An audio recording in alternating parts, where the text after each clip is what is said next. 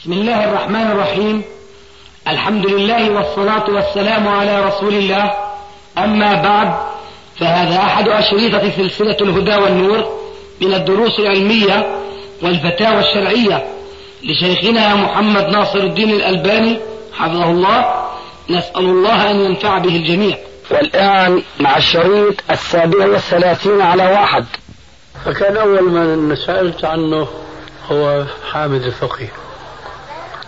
رحمه الله. كان فيما يبدو سليط اللسان. كان نزل في فندق. نسيت والله شو اسمه اسمه قديم مشهور في كثير من البلاد. المهم صعدت إليه أنا وقائد الفوج هذا فهد. فجالس في على سرير. وزني صيف. وأخذ حريته. القميص كمام قصيرة ولباس أبيض. أعجبني هذا الوضع يعني ما فيش كلفة. فسريرين متقابلين جلست أمامه. قال له فلان محمد ناصر يا الله هو أهلا وسهلا قام وعانقني وربما قبلني. ما أعرف يومئذ حكم التقبيل جاهز ولا لا.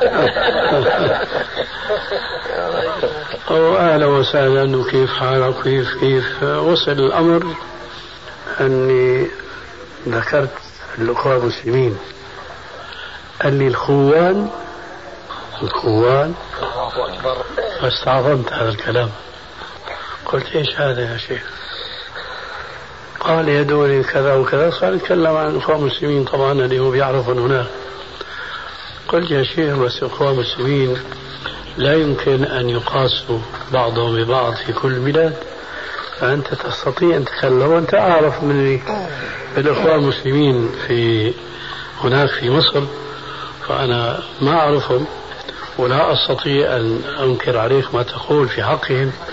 لكن في سوريا ما أظن يجوز لك إسلاميا تتحدث عنهم وأنت لا تعرفهم. المهم يعني جلسنا معه وتعرفنا عليه وكان اللقاء الثاني هو سألت عن أحمد شاكر رحمه الله. سألت عنه قالوا لي نازل في فندق ما أدري إذا كان في مكة فندق شبرة هو موجود في مصر هذا الشيء.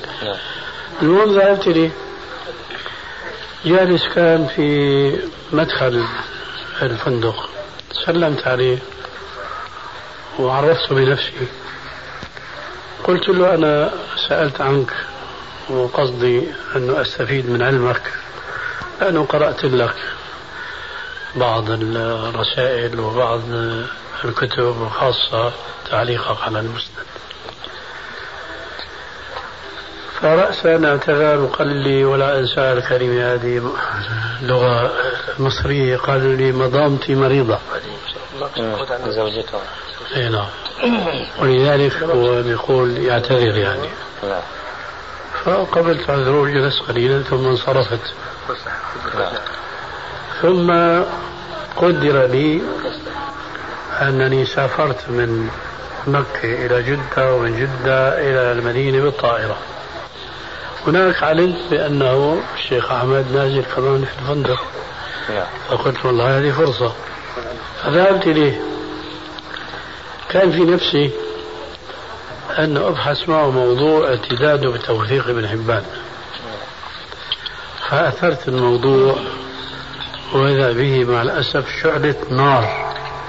ما بيقبل مناقشة ولا بيقبل مناظرة وشيء غريب جدا جدا. فصدمت. قال نحن كيف بدنا يعني نهدر جهود مثل هذا الإمام؟ يا شيخ أنا ما أقول نهدر جهوده ولكن الحافظ ابن حجر أردت أن أذكره بما هو دار به طبعا مما قاله الحافظ في مقدمة لسان الميزان. ما عنده استعداد أبدا للمناقشة إطلاقا. فرجعت مع الأسف بخفي حنين. ثم بعد ذلك جاء إلى دمشق. فلما بلغني زرته في المنزل اللي كان نازلا فيه. لكن ما استفدت منه شيئا لأنه ما عنده استعداد يتناقش. أبدا. هذا كل ما يمكن أن أذكره عن الرجل رحمه الله. يعني كان في حدة آه حديد. حديد مزاج جدا. نعم. يا الله. لكن يقال عندنا في مصر لما كان بيعقد تعرف شيخنا الشيخ عبد المعز عبد الستار؟ عبد؟ عبد المعز. عبد إيه هذا. أخواني. نعم. اي نعم. في قطر كان. كان في قطر. نعم. اي نعم. هو متزوج آه، بنت الدكتور أحمد أحمد الشريف الشيخ شاكر أشار في مقدمة المسند إليه. أيوه. وعاصر الشيخ شاكر. وكذا فيقول إنه كان صدره واسع جدا للمناقشات في. مطلع حياته أو نحو ذلك يعني هذا يذكرني بقصة والغاية منها أقدمها سلفا لأنه ما في مشابهة إلا من حيثية واحدة هو بيظهر واسع بما لو سأله سائل وبيجاوب لكن إذا كان السائل في عنده شيء من المعرفة بده ياخذ يعطي معه فهذا شيء آخر غير. والمعز ما أظن في عنده يعني اطلاع في علم الحديث حتى. يعني إذا نقل مثل هذا يكون يعني نقله دقيقا. نعم. على كل حال أنا ذكرت ما وقع لي وهذا ليس مقياسا. نعم. ممكن ممكن يقال هذا مثلا في آخر عمره. نعم. فهذا الخبر يضم إلى الأخبار الأخرى. أما الذي أنا رأيته فهو ما ذكرته لكم. فأريد أن أقول كنت أتردد على مركز الإخوان المسلمين في دمشق. لما قال لي أحدهم واسمه حسن عبيد كان له صلة قوية بنا وتبنى الدعوة السلفية دعوة. لكن هو منخرط في الإخوان المسلمين. فذكر لي يوما شابا قاديانيا اسمه علاء الدين. وذكره لي يعني شو بدي يقول مادحا له بأنه واسع الصدر جدا. وأنا شاهد. فشو رأيك تشتغل فيه؟ هو يعلم مني أنه أنا ناقشت القدانيين وعقدنا جلسات متتابعة هناك. فبطبيعة الحال أنا رجل ما بالأمزح بستجيب استجبت لدعوته. فراح اتصل مع رجل ووافق فالتقينا في مركز الإخوان المسلمين في غرفة خاصة. وإذا بصاحبنا حسن يرى منه خلاف ما حدثني به. نعم. وطالت المناقشة وحديد وصوته يرتفع وإلى آخره. لما خرجنا قال لي والله عجيب. أنا ما بعرفه هيك لهذا علاء بعرفه طويل البال. قلت له يا أخي بدك تلاحظ ملاحظة. هذا أولا قادياني داعية. هدوني بيطولوا بالهم مع عامة الناس. لأنه ما في غير بينسألوا سؤال. بيلقي محاضرة. ليش حتى يثور؟ لكن لما بتحطه تحت المحك تأخذ وتعطي. تحت المبرد هنا بقى ترتفع إيش؟ الحرارة. قال والله صحيح. وجه المشابهة فقط يعني بين التفريق إنه تفسر له مجال يتكلم يتكلم. أما تأخذ وتعطي خاصة فيما تخالفه فيه في رأيه هذا لا يثبت امامه إلا نوادر من الرجال حقيقة. نعم طب منزلة الشيخ أحمد شاكر بين علماء الحديث معلش يا شيخنا إحنا هذه فرصة العمر بارك الله. فنحن يعني لن نسامحها منزلة الشيخ أحمد شاكر رحمة الله بين العلماء المعاصرين له. أنا ما التقيت بمثيل له. الشيخ أحمد شاكر؟ أي نعم. أنا ما التقيت بمثيل له واني ما أقول. لأنه عدم الوجدان لا يدل على عدم الوجود. فممكن يكون كما يقال في الزوايا خبايا. أي نعم. لكن أنا ما اكتشفت هذه الزوايا حتى أعرف ما فيها من الخبايا. نعم. لكن في حدود ما علمت اطلعت وأنا ما شفت الشيخ أحمد. طبعا هذا من آثاره. نعم. من آثاره. نعم. أما من اللقاء بكل صراحة ما ما صار شيء بيني وبينه إلا المباحث القصيرة لكن انت يا شيخنا بالنسبة للشيخ أحمد الصديق الغماري الغماري ذكرت لنا أيضا في أول جلسة معك إن هذا الرجل لم تلتقي بمثاله. فيعني هو للشيخ أحمد شاكر في ما يتعلق بالصناعة الحديثيه شوف هلا يختلف الأمر. هذاك كان في مجال أني استكشف كنها طويته الغماري آه الغماري لأنه سألته أنا أسئلة وأجابني نعم الشيخ أحمد. انسق الباب بيني وبينه شلون؟ لكن الشيخ أحمد في جهده خاصة في المسند وعلمه هناك يفوق الغماريين جميعا لأن الغماريين شو لهم جهد؟ لهم آثار رسائل فقط ثم يبدو فيها التصوف والتعصب للمالكي للمالكية وبالمناسبة اليوم بقرأ على هذا عبد الله الغماري رسالة يحكي بالمناسبة أنه في مسألة لحوم الخيل قولان الحل والتحريم. قال وهو الأقوى. اللي هو التحريم؟ تحريم لحم الخيل. الأقوى. حاولت استحضر في ذهني شو الدليل اللي بده يكون هو جعله يميل إلى ترجيح هذا القول مع كونه في صحيح البخاري وغيره من حديث آه، هم إيش؟ آه، من حديث أسماء. بنت أبي بكر. أنهم أكلوا لحم الخيل في عهد النبي صلى الله عليه وسلم أي نعم واذن باكل لحم الخيل نعم فسبحان الله قلت هذا أتي من المذهب المالكي. أي نعم فالقصد فالآثار من حيث التأليف لا تظهر في كتب الغماريين جميعا كما تظهر في كتب آه، أحمد شاكر رحمه الله. ثم فقهه أيضا يختلف عن فقه هؤلاء. فقه الغماريين ما هو فقه سلفي أبدا. فقه آه، هوائي. ليس له ضوابط وقواعد. آه، انظر مثلا تشنيف الآذان. في استحباب السيادة في الصلاة والإقامة والأذان. الله أكبر. 14 قرن المسلمون كلهم على السنة. هل اللي هجروا كل هالتوارث. بل التواتر باستنباط عقلي أهوج أعوج. أنه أنا سيد ولد آدم.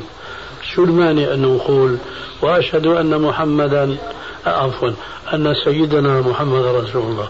شو المانع ما دام هو كذلك. الإقناع في صحة الصلاة وراء إيش؟ المذياع. بكرة بيربطوا صلاتنا بإمام مكي. بذيع هناك و- ويسكروا المساجد بقى كلها. مسجد جامع. ها؟ مسجد جامع. ما كونت عندي رأي ثم أنا عرفت أنه هذه الأجزاء مش قائم عليها شخص واحد عديد من الذين يعلقون. الغماري عمل جزء واحد فقط. ما عندي فكرة يعني عنه الحقيقة. لكن الذين وقفت على تعليقاتهم يعني سطحية جدا يعني ليس فيها علم. نعم. أما تعليقات الغماري ما عندي فكرة عنها. في أي جزء تذكر؟ السابع. السابع؟ السابع. نعم. السابع أظن. لأنه هو السابع في حديث الجارية. آه، يؤول يقول بعض الرواة غلط. في الجزء السابع أظن صفحة 135 أو كذا. السابع يقول إيش؟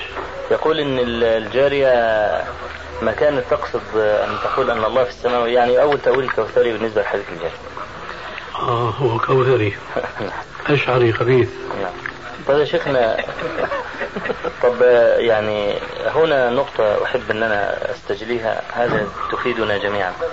صدود الشيخ أحمد شاكر رحمة الله عليه. هنينا شيخ. الله. الله يرضى عليك. خلي الأستاذ نعم بالنسبة لصدود الشيخ أحمد شاكر عن التباحث معكم هل هذا لم يورث عندكم صدودا منه أو من كتاباته أو أبدا. أو حملة عليه؟ أبدا. أبدا. والحمد لله. لكن أنا قلت يعني لعل الرجل كان يعني على وضع عائلي كما ذكر لي في أول مرة لما لقيته نعم. أنه زوجته مريضة فممكن هذا المرض استمر حتى لقيته المرة الثانية نعم. لكن ما أجد في نفسي أبدا حالة وصلاح كيف حالة. أي نعم. ما أجد في نفسي أي شيء إلا احترام وتعظيم له. نعم. أي نعم. طيب يا شيخنا بالنسبة للشيخ عبد الرحمن بن يحيى المعلمي اليماني. رحمة الله عليه. هذا الرجل مع يعني يعني ثقله في العلم ومدحكم له ولعلمه. يكاد يكون غير معروف بالنسبة للأجيال أمثالنا. فيعني لو أعطتنا شيء عن الشيخ عبد الرحمن بن يحيى و أثره. والله هو بسبب قلة آثاره التي نحن على الأقل اطلعنا عليها ما مكنتنا أن نقدره حق قدره إلا أنه اللي استقر في نفسي في حدود اطلاع القليل على بعض آثاره وبخاصة كتاب التنكيل بأن الحقيقة أولا رجل سلفي العقيدة سلفي المذهب والمشرب ثم عنده باع طويل في تراجم الرواة.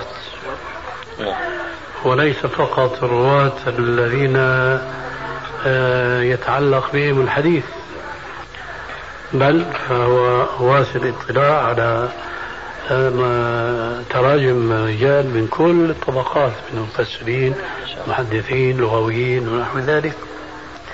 فهو واسع الاطلاع من هذه الحيثية. وتعليقاته على صحيح على تاريخ البخاري مثلا وعلى كتاب الأنساب للسمعاني وغير ذلك مما لا يحضرني الآن أكبر دليل على سعة أفقه في هذه المجالات. لكن يبدو أن عنايته بالتصحيح والتضعيف إما أنها كانت قليلة أو أنه لم يتح له أن يلج هذا الباب ويتفرغ له بسبب قيامه على خدمة التراجم وكأنه كان متخصصا فيه. لكن الحقيقة لما الإنسان ينظر إلى مناقشته للكوثري سواء من الناحية الحديثية أو الناحية الفقهية فكل ذلك يدل على أن الرجل الرجل كان متمكنا في أصول الحديث وأصول الفقه من جهة وأنه كان واسع الإطلاع أيضا من الناحية الفقهية من جهة أخرى. هذا ما يحضرني حول هذا الرجل رحمه الله. وقد التقيت به أيضا في تلك السفرة التي لقيت فيها الشيخ أحمد شاكر في مكة حيث كان هو مدير مكتبة الحرم المكي. يوم كانت المكتبة في نفس الحرم. أنا كنت أتردد إلى المكتبة في كل يوم وأراه هناك منكبا على البحث والتحقيق. لكن ما كان لي معه جلسات يومئذ. لأنه ما كان في تعارف سابق ولا وجد من يعني ييسر لنا سبيل التلاقى. نعم. هذا ما عندي. لو سمحت. ارفع صوتك. شيخ لو سمحت بالنسبة تبين لنا حكم الشرع ورأيكم في وضع اليدين بعد الركوع على الصدر. هذه بقى منغومة هي لا لا يتوضحها يعني. لأنه هذه مسألة ما تكلمنا فيها كثيرا. وجوابنا معروف أنه لا يوجد نص عن الرسول عليه السلام أنه وضع يديه على صدره في القيام الثاني. وكل ما عند مشايخنا في الرياض وبعض أهل الحديث في باكستان والهند ما عندهم إلا أحاديث عامة نصوص عامة لا تكفي في إثبات قضية عملية جرى العمل بها من رسول الله صلى الله عليه وسلم قرابة عشرين سنة. فلا ينقل أحد من أصحابه عليه الصلاة والسلام أنه رآه واضعا اليمنى على اليسرى في القيام الثاني. لا يوجد هناك إلا نصوص عامة. هذه النصوص العامة في فهمي واعتقادي. لا تكفي لإثبات سنة لو وقعت لنقلت. لأن صلاة يصليها الرسول عليه السلام في كل يوم على ملأ من الناس مش أمر خفي في بيته يقع. فلا يطلع عليه الرجال مثلا وحتى ولا النساء إلا البعض. هذا أمر علني. فلا أحد ينقل أن الرسول عليه السلام فعل ذلك. كل الحجة حديث سالم بن سعد الساعدي في موطأ مالك ومن طريقه تلقاه البخاري. كان الناس يؤمرون بوضع اليمنى على في الصلاة في الصلاة. هذا نص مطلق. والقيام الثاني من الصلاة. هذه قضية استنباطية. لا يكفي فيها الاستنباط. كل استنباط من نص عام لم يجري عمل المسلمين به فهو دليل أنه هذا الاستنباط غير صواب. لأنه لو كان كذلك لسبقونا إليه. كذلك مثلا حديث وائل بن حجر في سنن النساء وغيره أن النبي صلى الله عليه وسلم كان إذا قام في الصلاة وضع اليمنى على اليسرى قام في الصلاة. هذا القيام الثاني قيام. إذا النص إما عام وإما مطلق لكن هذا الحديث بالذات في بحثي هو مقتطع من حديث وائل بن حجر من صحيح مسلم. ففي الصحيح عن وائل أنه وصف صلاة النبي صلى الله عليه وسلم فيقول أن الرسول عليه السلام كبر للصلاة ثم وضع اليمنى على اليسرى ثم ركع ثم قال سمع الله لمن حمده ورفع يديه ثم سجد بين كفيه. فكلما ذكر رفع اليدين يقول كما فعل في تكبيرة الإحرام. لكن لما ركع ورفع رأسه من الركوع ما ذكر الوضع الثاني هذا. ولو ذكره لقال كما فعل في القيام الأول. ويبدو والله أعلم أن الحديث الذي في السنن هو قطعة من هذا الحديث. لما فصل عن السياق والسباق أعطى ذلك المعنى الشامل نعم. للقيام الثاني. وشيء آخر يرد في الموضوع إذا أردنا أن نعمل هذا العموم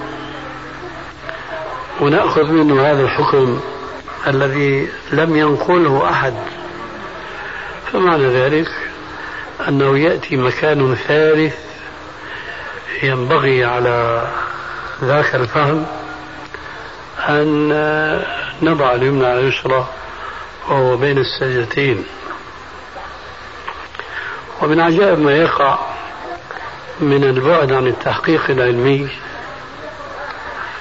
أنهم يدعون الآن منهجهم في الاستدلال بالنص العام ويلجؤون إلى نفس الطريق الذي أنا ألجأ إليه في قولي أنه ما في عندنا نص أنه الرسول وضع سوى هذا الإطلاق. هذا إطلاق يشمل الوضع بين السجدتين. لا السجدتين مثل التشهد. طيب هذا قياس. نحن الآن نسألكم هل عندكم نص أن الرسول عليه السلام لما جلس بين السجدتين وضع يديه على فخذيه؟ هل أنا وقد تخصصت لصفة صلاة النبي صلى الله عليه وسلم لم أجد حديثا في هذا. ولذلك لم أذكره في صفة الصلاة لأني ما تعمدت أن أذكر فيه استنباطا ولو كان صوابا إنما هو النقل في الحديث.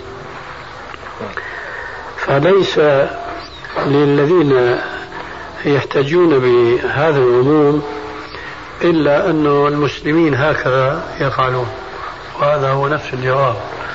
المسلمون مضى عليهم هذه القرون لا إمام من أئمة المسلمين ولا صحابي ولا يقول بسنية هذا الوضع فإذا أنا ألفت النظر بكلام يذكره ابن تيمية والشاطبي رحمه الله بأنه العمل بالنص العام في جزئية من جزئياته التي لم يجري العمل على هذا الجزء هو سبيل للابتداع في الدين. لأنه ما من بدعة وهذا كلام يتجلى تماما في كتب الغمار هذا. فإنه كل شيء بدعة بيقول لك ما في نهي عنها. ما في نهي عنها. وداخلة في النصوص العامة. وأضرب أنا مثلا موضحا جدا وهو دخل جماعة المسجد لصلاة سنة الظهر القبلية مثلا وواحد هنا وواحد هنا متفرقين. فبدأ لأحدهم فقال تعالوا يا جماعة نصلي جماعة. وقال عليه الصلاة والسلام يد الله على الجماعة. وقال عليه الصلاة والسلام صلاة الرجل مع الرجل أزكى من صلاته وحده صلاة الثلاثة أزكى من صلاة الرجلين. والله أدلة حديثية صحيحة. شو ردنا يا سلفيين يا قابضين في حالة القيام الثاني شو ردكم على هذا الاستدلال نفس استدلالهم. جوابي أنا وجواب كل سلفي أنه هذا ما جرى عليه العمل. ولو كان هذا الاستدلال صحيحا لسبقونا إليه. وكل البدع التي يفعلها المبتدعة مثل هذا دليلهم أدلة عامة. ما جرى عليها العمل إطلاقا. فأنا أرى أن هذا الذي يعني يفعل اليوم في هذا الزمان هو من هذا الباب نبعه. من استدلال بأدلة عامة لم يجري العمل بهذه الجزئية منها فإذا وكل خير في اتباع من سلف وكل شر في ابتداع من خلف. لقد سألني أحدهم منذ أقل من أسبوع من السعودية. قال لي أنت قلت في صفة الصلاة أن الوضع هذا الثاني بدعة. كيف هذا ومشايخنا بيحتجوا بأحاديث عن الرسول عليه السلام وأخطأ هو وقال في مسند الإمام أحمد حديث أن الرسول عليه السلام كان يضع يديه في القيام الثاني. قلت له هذا لا أصل له في المسند ولا في غيره ولو وجد مثل هذا الحديث لقضي الأمر الذي فيه تستفتيان لكن أظنك واهما وهذا لا أحد سمعته يذكره. ثم ضربت له المثل السابق بالنسبة لجماعة النفل في المساجد. فاتصل بي ثاني يوم وقال لي أنا نقلت كلامك للشيخ الشيخ ابن فقال أنه الحديث صحيح. ويجب العمل بالحديث. وكلام يعني هو كلام سليم لو كان الحديث صريح الدلالة.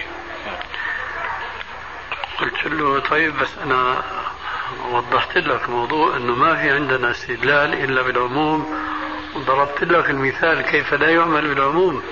قال أنا ذكرت ذلك للشيخ لكن الشيخ قال هذا ليس له علاقة بهذا. قلت له يا أخي ليس له علاقة من كل الجوانب لكن وتلك الأمثال نضربها للناس فأنا ضربت لك مثلا أنه لماذا نحن لا نصلي النوافل جماعة لأنه ما نقل إلينا. وإذا استدل علينا مستدل بمثل ذلك الحديث نقول ما جرى العمل بهذا؟ قال لي هذا الرجل هون الشاهد بيقول إنه ذكروا عن الإمام أحمد أنه قال لا بأس بوضع اليدين في هذا القيام قلت له اولا هذه الرواية كفانا مؤنة البحث فيها الشيخ ابن باز حفظه الله فقد بين ضعفها. فاسترحنا منها. ثانيا لو صحت هذه الرواية عن الإمام أحمد لكانت حجة على الذين يقولون بسنية الوضع. لأن هذه الرواية عن أحمد تفرق بين الوضع الأول والوضع الآخر. فلو كان هو يرى السنية ما بيقول لا بأس بذلك. فهو يشير بهذا أن المسألة مغمغمة فيها شيء يعني. ولا كان بيقول سنة مثل ما قال في الوضع الأول أنه سنة. هذا مما يحضرني الآن حول هذه القضية. وإياكم. خلينا نصلي يا أبو عبد الله. كتاب مجموع. مجموع شرح المهذب. نعم. ما التقيت به؟ ما التقيت به. طب قرأت تكملته؟ قرأت منها. ما رأيك فيه؟ ما هو نقاد يعني؟ هو على نمط أبو البنا عبد الرحمن. يعني هو نقال. ما هو بحاث محقق هذا من جهة وبعدين كأنه مذهبي. آه شافعي. ها شافعي. يعني ما تأثر بالحديث. فهو يعمل في الحديث كعلم مثل الذي بيدرس الحقوق كعلم أما هو يمكن لا يعمل في ذاك العلم وهكذا كان أكثر المشتغلين بعلم الحديث طوال القرون آه، كانوا أولا غير محققين يرون ما هب ودب ثم لا يتأثرون بما علموا من الحديث فترى هذا حنفي وذاك الشافعي وآخر مالكي ورابع حنبلي. نعم. ونفس المشكلة لا تزال قائمة حتى اليوم. بالنسبة لبعض المشتغلين بعلم الحديث كهؤلاء الغماريين مثلا وهذا الذي تسأل عنه فهو مثلهم. لا يحكم الحديث فيما اختلف فيه الناس على أنه ليس محققا فيه. أظن كان جاءتني منه بعض الرسائل لكن أنا كعادتي ما عندي استعداد أن أرد على الرسائل. هو أرسل لك شيخنا شيخ؟ المطيع؟ أي نعم. طب نفحوا الرسائل يعني. هذا قديم. هذا قديم وظاهر كما يقولون عندنا في الشام. قبل ما تطلع ريحتي. نعم. فقد تكون رائحة طيبة وقد تكون غير طيبة على اختلاف الأذواق. نعم. وهذا بذكرني أنه في عندي رسالة نزول عيسى عليه السلام في آخر الزمان للغماري هذا عبد الله قامة البرهان. إيه. نعم. عليها خط هدية إلى الأستاذ. ما أدري إذا أضاف إليها محمد ناصر الدين الآن قلب لنا ظهر المجن. ليش؟ طلعت ريحتي عنده إنه سلفي. نعم. فهو شاف كتبي القديمة. مثل السلسلة وغيرها. فتوهم في فأرسل إلي هذا الكتاب هدية. ثم لم يعد بطبيعة الحال لأنه شم الرائحة أنه مجسم ووهابي. وآير في هذا اللي سماه الرد المقنع أنه هذا ليس فقط وهابيا بل هو شر منه هو كذا وكذا إلى آخره. نعم. فسبحان الله يعني علم الحديث آه، بركته في تقويم خلق المحدث أولا ثم فكره ومذهبه ثانيا. فإذا رأيت حديثيا لم يتحسن خلقه ولم يستقم فكره فافهم أن حديثه أو دراسته للحديث هي لأمر دنيوي. ما هو هذا الأمر الدنيوي؟ حدث عن أنواعه وأسبابه ولا حرج. قد يكون مثلا للمال قد يكون للظهور. ومن أقوال الصوفية حب الظهور يقطع الظهور. فهؤلاء مثلا في المغرب طرقيين لهم زاوية. مع ذلك يشتغلوا بالحديث. كيف هذا؟ ما استفادوا من الحديث شيئا إطلاقا مع الأسف. لا في الخلق ولا في الفكر. نعم. فهذا حقيقة مشكلة من يشتغلون بالحديث أنهم لا يتأثرون به. آه، كنت ونحن على الطعام سألتك عن الأخ محمد عمرو. يعني أنا فقط أريد أن أسجل هذه لأنها تسعده. رأيكم في ما ماني مستحضر الآن. أنا اللي مستحضر أعطيتك آنفا وسجل وسجلته أيضا. لو أما إذا كان بدي فصل بدي أرجع للرسالة من جديد. نعم. لأني عادي بها أصبح نسيا منسيا لكن مجمل ما تتذكره من رسالة القسطاس إيه؟ أعتقد أنه باحث جيد. نعم. وله مستقبل جيد في اعتقادي. نعم. والله أعلم. آه، الحمد لله. طيب يا شيخنا بالنسبة للشيخ آه، محمد راغب الطباخ. نعم. آه، في بعض كتبكم تقولون آه، شيخنا بالإجازة. فنريد فقط إلقاء الضوء على يعني نوعية الإجازة والمشيخة ونحو ذلك. نوعية الإجازة هي شكلية. محضة نعم. وكل إجازات إلا ما ندر منها في القرون المتأخرة شكلية لا قيمة لها. الرجل كان عضوا في المجمع العلمي العربي في دمشق. وكان يتردد إلى دمشق بهالمناسبة أو غيرها. وكان من جملة الأعضاء الشيخ عبد القادر المغربي. وكان له ابن ربما سمعتم باسمه هو محمد المبارك. محمد المبارك كان في برهة من حياة الأخوان هناك رئيس الأخوان المسلمين. وأنا كنت أتردد على الأخوان المسلمين وأرحل معهم في رحلاتهم وأحضر في محاضراتهم. وطبعا معروف الغاية من ذلك وهو نقل الدعوة إليهم. ولذلك تأثر الكثير منهم. كان من هؤلاء محمد المبارك. طبعا إلى قدر. كان الشيخ راغب رحمه الله آه، بحكم تردده إلى دمشق. كان في بينه وبين والد محمد المبارك عبد القادر مودة فكان ينزل عندهم ويزورهم.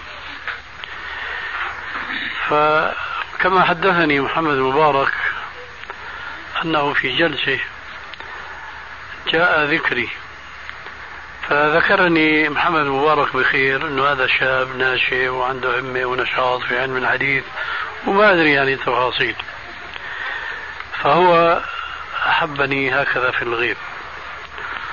وقال لمحمد مبارك إنه أنا بس أجي لازم تعطي خبر لمحمد ناصر مشان أنا بدي أجيزه. فنقل إلي ذلك محمد المبارك. وراحت أيام اجى نزل في فندق هناك في دمشق. فاتصل بي هاتفيا في الدكان. وقال لي الشيخ راغب جاء فذهبت إليه. لا أعرفه أنا من قبل. سلمت عليه وحدثني بما كان سمع من مبارك وقال إنه أنا بيعجبني هذا الشيء لأنه علم الحديث أصبح نسيا منسيا وإلى آخره. فأنا بحب جيزك. قلت له جزاك الله خير. هو عامل إجازة على طريقة المشايخ لكنها كتاب كان سماه بالأنوار الجلية في الإجازات الحلبية أو نحو هذا. نعم. فقال لي أقرأ يعني الشكليات كلها. نعم. قرأت له في نفس الكتاب يمكن في مكان ما. فبعد ما قرأت انتهى كل شيء. ومطبوعة الإجازة في نفس الكتاب. مطبوعة وفي فراغات. نعم. فهو بمن بهذه الفراغات؟ حسب الأشخاص. زي كوبون مثلا. كوبون. نعم. فأنا أشير إلى هذه الحقيقة. وأنا أستعملها الحقيقة كسلاح لهؤلاء الناس المساكين اللي يعرفون أن العلم هو الذي تلقي مباشرة من المشايخ ولو كانوا غير علماء. كذلك الشيء بالشيء يذكر أنا الحقيقة خرجت بأمر لا يطاق في دمشق بالنسبة ل ما عندنا علم بعلم الحديث فأنا طلعت لهم بنغمة هذا صحيح وهذا ضعيف وهذا موضوع وبعدين هذه المسألة الفلانية خلاف السنة. وكان من ذلك ما تعرفه تعرفه من كتاب تعذير الساجد من اتخاذ قبور المساجد. فقاطعت المسجد الأموي هناك ما عاد صليت فيه. في الوقت اللي كان أبي يستصحبني معه. مشان التبرك في الصلاة هناك لأنه جاء في حاشة ابن عابدين أنه الصلاة في مسجد بني أمية بسبعين ألف صلاة. كنت سبحان الله أقول المشايخ دوني كم هم في ضلال مبين. بيسمعوا الحديث في صحيح مسلم صلاته في مسجد هذا بألف صلاة. شو جاب المسجد الأموي؟ سبعين ألف صلاة أكثر من المسجد الحرام النبوي المهم فهذه القضايا عملت آه، زوبعة هناك وأقامت الناس وأقامتهم خاصة والدي رحمه الله وصاحب له. الشاهد عند الصاحب الآن. أرسل إلي يوما. قال لي أنا عاوزك في البيت في عندي ساعة معطلة. قال طيب. إمتى أجيت؟ أجيك قال بعد المغرب. رحت وجدت عنده طالبين هم هما كان زملائي في الدراسة على والدي الفقه وتلقي القرآن بالتجويد. سلمت وغرفته بعيدة واسعة جدا. جلست عند الباب. هو هناك في الزاوية. قطع الدرس وقال أنا بدي أكلمك بكلمات بس لا تزعج. لا تنزعج ولا تغضب. قلت له خير إن شاء الله إيش فيه؟ قال ليش تركت مذهبك قلت له ما عندي خبر. كيف تركت مذهبي أنا لا أزال عنبي قال لا ترفع يديك في الصلاة. هاي من جملة الأشياء اللي أنا طلعت فيها ونخموا بها علي. وقال بعضهم هذا يستحق أربعين جلدة لأنه تركت المذهب الحنفي. قلت له يا أخي أنا ما تركت المذهب الحنفي هل ترفع إيديك? قلت له طيب ارفع إيدي لكن ما بتورق مثلا. ف وأكثر المسائل اللي أنا بتبناها حسب دراستي السابقة. فمسألة واحدة بتخرجني عن مذهبي وعشرات المئات من المسائل ما بتخليني في مذهبي ودخلنا معه في نقاش. وقال لي أنت ما بصير تجتهد أنت شو أنت وشو كذا وأنا صار لي 20 سنة هو الشاهد. 20 سنة كسرت ركبي أمام المشايخ ولسه أنا ما بستغني عن الشيخ. وين أنت؟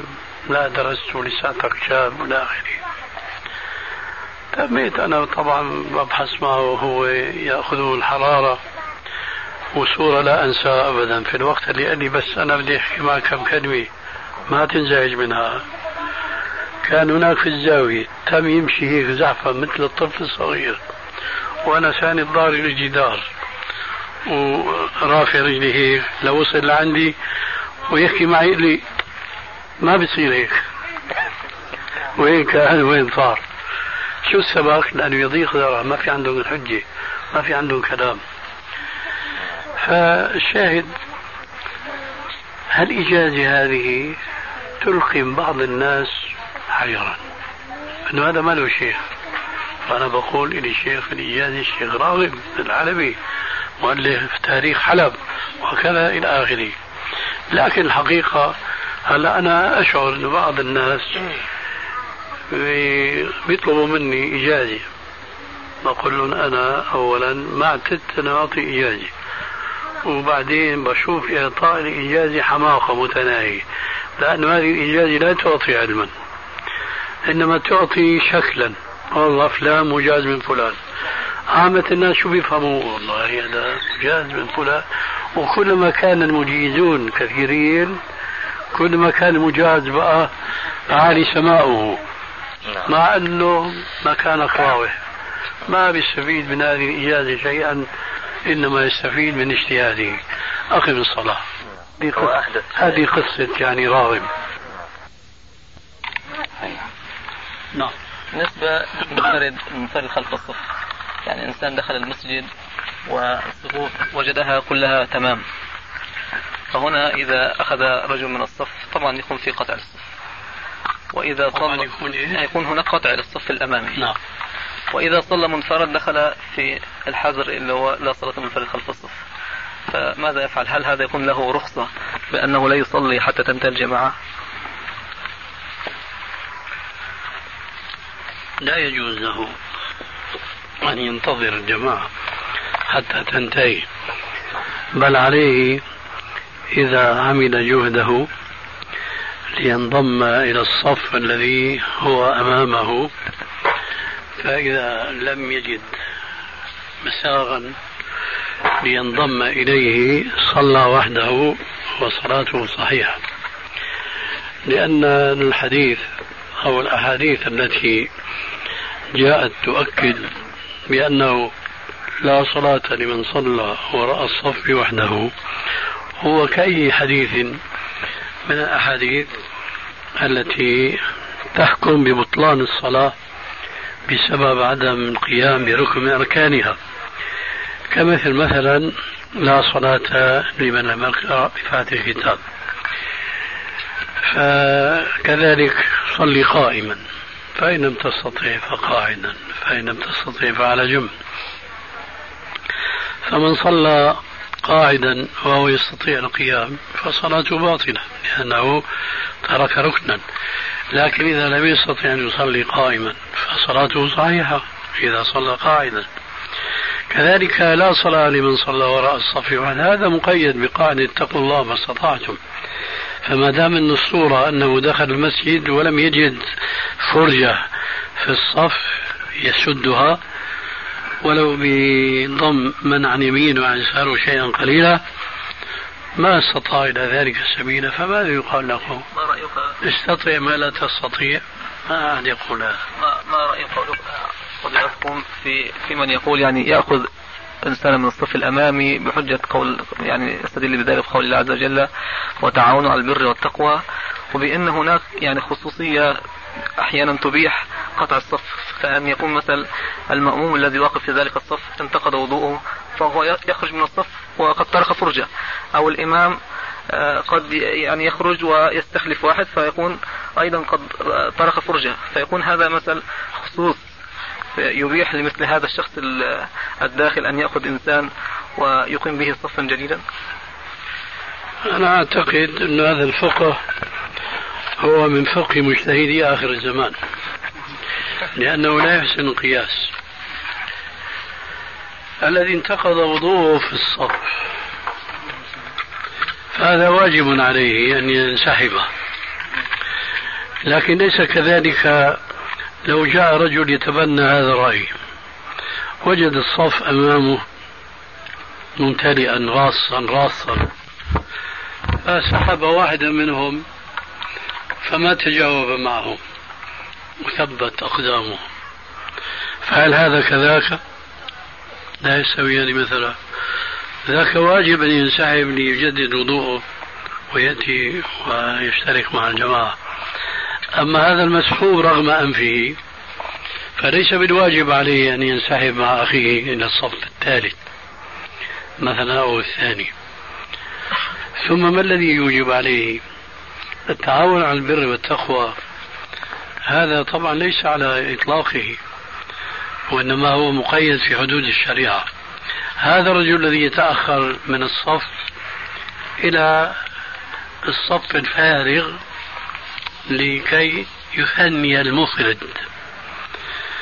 هذا ليأتي بمثل هذا العمل ينبغي أن يكون عنده إذن من الشارع الحكيم. ولذلك يقال لو نص لو صح الحديث الذي أخرجه أبو يعلى وغيره أن الرسول قال له هل اشتررت إليك رجلا؟ كان إيش انتهت المشكلة. لكن ما دام أن الحديث إسناد ضعيف والضعيف لا يجوز العمل به في الأحكام فحينئذ تبقى المسألة مسدودة الحل إلا من طريق اتق الله ما استطعت. أنت واجبك أنك تنضم للصف.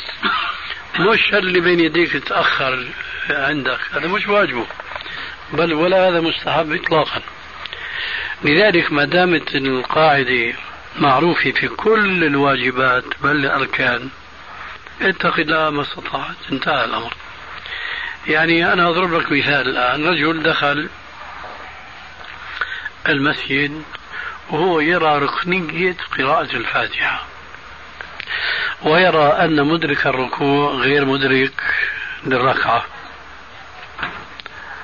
ف ويعرف أن الإمام يعني رجل طيب. بيتجاوب مع المصلين. قال له يا فلان طولها شوية. حتى أنا إيه أستطيع أدرك قراءة الفاتحة قبل ما يرجع. إيه ما طولها لأنه مو فرض عليه يطولها مشان خاطره. إيه هذا الإمام يكون يعني مخالف؟ ما يكون مخالف. مو واجب عليه أنه يسمع كلام هذا. أظن أخذت الجواب إن شاء الله. سبحانك اللهم وبحمدك. أشهد أن لا إله إلا أنت. أستغفرك وأتوب إليك.